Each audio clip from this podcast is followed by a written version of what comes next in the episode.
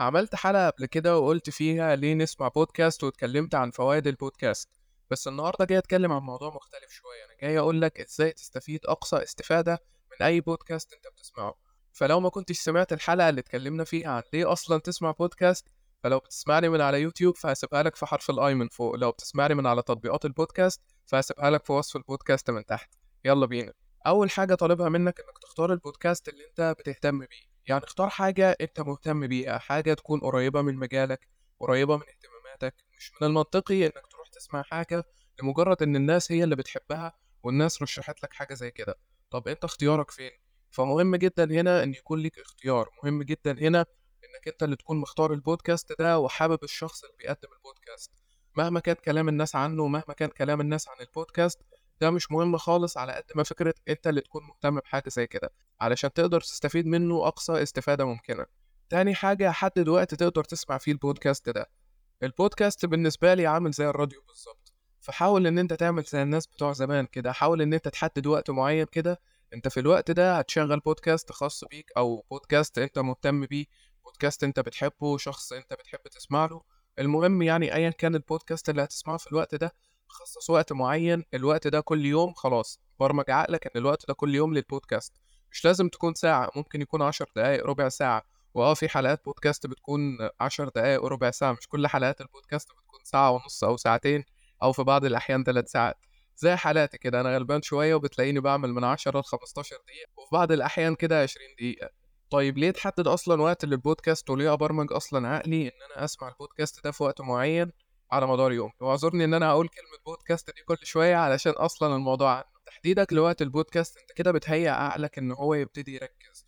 بتقول لعقلك خلاص الوقت ده أو عقلك هو اللي بيقول لك أنا خلاص اتعودت في الوقت ده إن في بودكاست بنسمعه وأنا هبقى مركز جدا وهبقى مستمتع جدا بالتجربة وهحاول على قد ما أقدر إن أنا أستفيد منها باقصى استفادة ممكنة. فمهم جدا عملية تحديد الوقت. تالت حاجة إنك تاخد notes يعني تاخد ملاحظات. خلي في جنبك كده كشكول أو الموبايل بتاعك مثلا افتح برنامج ال notebook واكتب براحتك. يعني أي حاجة ألهمتك في اقتباس أنت حبيته مثلا من الشخص اللي بيتكلم اكتبه. اكتب الحاجة اللي علقت معاك وأثرت فيك علشان ترجع لها بعد كده وتستفيد منها تاني. لأن مستحيل تقدر تكون فاكر كل كلمة أنت سمعتها. في حاجات كتير جدا هتسقط منك. بدليل إنك لو سمعت البودكاست مرة تانية في وقت مختلف هتلاقي إن أنت طلعت بحاجات جديدة وأفكار جديدة. فحاول إن أنت تدون الحاجات اللي أثرت فيك والحاجات اللي أنت حاسس إنك ممكن ترجع لها بعد كده وهتأثر فيك فعلا. رابع حاجة وهي حاجة جميلة جدا أنا على مستوى شخصي بعملها بس مش بانتظام للأسف إنك تشارك البودكاست ده مع الناس القريبة ليك أو تشاركه مثلا على فيسبوك أو على أي منصة أو تاخد منه اقتباس مثلا وتشارك الناس الاقتباس ده وتكتب عنه post بطريقتك وتشارك الناس وتقول لهم قصتك مع البودكاست ده وتقول لهم إن أنت بتستفيد منه. تقول لهم على الحاجات اللي أنت بتستفيدها من البودكاست الحاجات اللي أنت طلعت بيها. حاجة زي كده هتخلي أي معلومة أنت سمعتها ما تخرجش من دماغك أبدا وفي نفس الوقت كسبت ثواب ناس كتير جدا استنفعت من خلالك انت. خامس حاجة بقى إن أنت تختار تطبيق كده يكون مميز ويقدر ينظم لك البودكاست علشان تقدر تستمتع عليه. طب ليه تختار تطبيق معين؟ لأن مش كل التطبيقات واحدة كل تطبيق بيكون ليه شكل معين وستايل معين وطبعا حاجة زي كده ممكن تكون لبعض الناس تافهة شوية. بس أنا عندي حاجة زي كده مهمة جدا مهم جدا إنك تكون مرتاح للتطبيق اللي أنت بتستخدمه.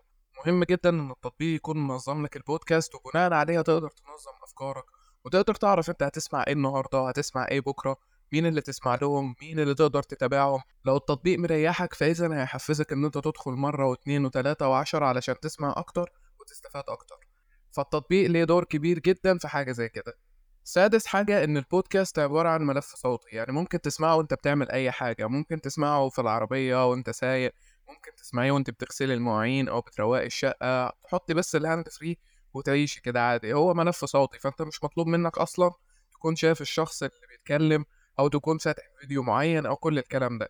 أنا عارف إن في بعض البودكاست بتكون عبارة عن videos وحاجة زي كده ممكن تسبب لك مشكلة تقول طب أنا هتفرج ولا هسمع ولا هعمل إيه بالظبط؟ في ناس بتفرق معاها جدا موضوع إن هي تكون شايفة وإن هي تتفرج وفي ناس بتحب موضوع إن هي تسمع. فأنت لو بتعمل حاجة معينة ممكن تستغل الوقت ده في إنك تسمع بودكاست أو تسمع حاجة أنت بتحبها وهتفيدك. سابع حاجة والأخيرة بقى أنا عارف إنه مؤخرا في تعدد في المصادر مش بس في البودكاست لأ في أي حاجة عموما لو أنت عايز تلاقي معلومة معينة من كتر المصادر أصلا أنت بتتشتت وتفكيرك بيتشتت وانتباهك بيتشتت ومش بتبقى عارف تركز أصلا. بسبب إن ليها كذا مصدر وكل مصدر بيكون ليه الطريقة بتاعته في سرد المعلومة دي. فبرضه البودكاست نفس الموضوع هتلاقي ناس كتير جدا ممكن بتتكلم في نقطة معينة. فحاول إن أنت تحدد في كل مجال واحد أو اتنين بالكتير تسمع لهم. يعني في مجال تنمية الذات حدد مثلا اتنين أو تلاتة بالكتير تسمع لهم. ليه؟ لأن كل واحد بيبقى ليه منظوره وكل واحد بيبقى ليه أفكاره. ممكن نطرح عليك حاجة ثابتة بس كل واحد بيشرحها بطريقته وبأفكاره وبالطريقة اللي هو بيفضلها. علشان كده ما تشتتش نفسك وتزحم نفسك في وسط البودكاست الكتيرة دي. ما تخليش الحماس يتملك منك ويخليك عايز تسمع أي حاجة تشوفها ويكون عندك فضول ليها.